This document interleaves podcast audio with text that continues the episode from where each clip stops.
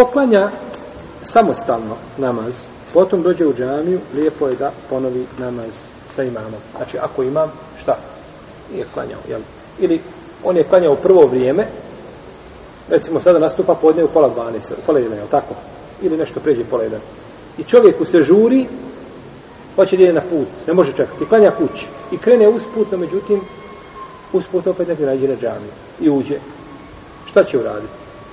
klanja će sa, klanja će sa ljudima, znači provit će namaz, a to što je došlo u hadisu, koga smo spominjali, taj poslanik sa osaname, vidio dvojicu ljudi koji su ušli ovaj, u a, Mesjidul Hajf, Mesjid Namini, poznati Mesjid Namini, pa ih je vidio da sjede iza njega, koji je išao na hađ ili eventualno na umru, pa posjećivao gore mjesta, mogao vidjeti znači, jednu veliku džamiju na Mini, to je Mesjidul Hajf, kaže se da je u toj džamiji hanjalo 70 poslanika. To je došlo od poslanika sa osnovno u hadisu koji je munker, koji nije vjerodostojan, ali je došlo od Ibnu Mesuda u vjerodostojnoj predaj da je to rekao. A Ibnu Mesud neće govoriti šta po svome šahom. Vidio je dvojicu ljudi u mesu Ibnu Hajib, kako šta? Sjede iza džemata, pa im je prišao, kaže, ale je bihima. Kaže, ja ću se sa njima razračunati. Pa je krenuo prema njima, kaže Ravija, a ključne kosti sa njihove tresu od straha. Da pa su vidjeli da je poslanik sa osvrem prilazio. Šta mislite, kakav je to strah da se ključne kosti tresu čovjeku? Pa je rekao, kaže, što niste klanjali sa nama? Zar niste muslimani? Pa, kaže Allah uposlaniče, mi smo klanjali u našim šatrima gdje smo osjeli, pa smo sada došli ovdje, kaže, kad klanjate, kaže, na mjestu gdje ste, gdje boravite, i dođete u džamat, ponovite namaz. Ponovite ljudima sa u džemat, to će vam biti na fila. To će vam biti na fila. I pitao je Bozer, radi Allah, da lanu poslanika, sa osrem, kako došlo muslimo u sahihu, kažemo Allahu poslanik, sa osrem, o Ebu Zer, kako ćeš se ponašati kada dođu vladari koji će kasniti sa namazom, neće ga klanjati njegovo vrijeme propisano.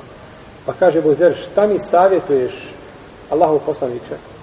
Kaže, klanjaj ga u njegovo vrijeme, a kada dođeš klanjaj sa njima, to će ti biti na fila. Znači, ponovi ga šta? Sa njima uđe mat. I na ome pitanje je složno nam. Lema je složna da je lijepo da čovjek ponovi šta. Ne da kaže, ja sam klanjao jedan put, ne smijem ponavljati zato što je poslanik sa osrame zabranio vjerodostojnom hadisu da čovjek klanja jedan namaz, isti namaz u jednom danu, dva puta. Ne, ovo ne klanjaš, nećeš nijeti podne, ako si ga već klanjao, nego nijeti šta? Na filu. Dakle, iza imama. Dobro, ali čovjek klanjao, nije samo sam, klanjao u džematu i dođe u džamiju. Šta će onda uraditi? Opet isti, opet isti, opet isti propis. Da vas čuju malitije, bi se razračunavali sa vam.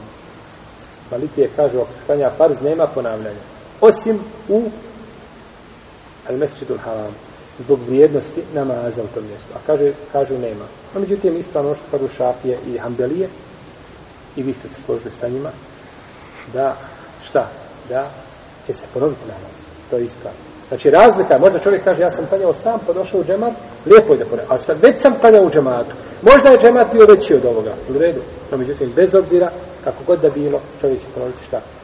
Namaz za, jeli, imamom, u džami jer, jer je ušao.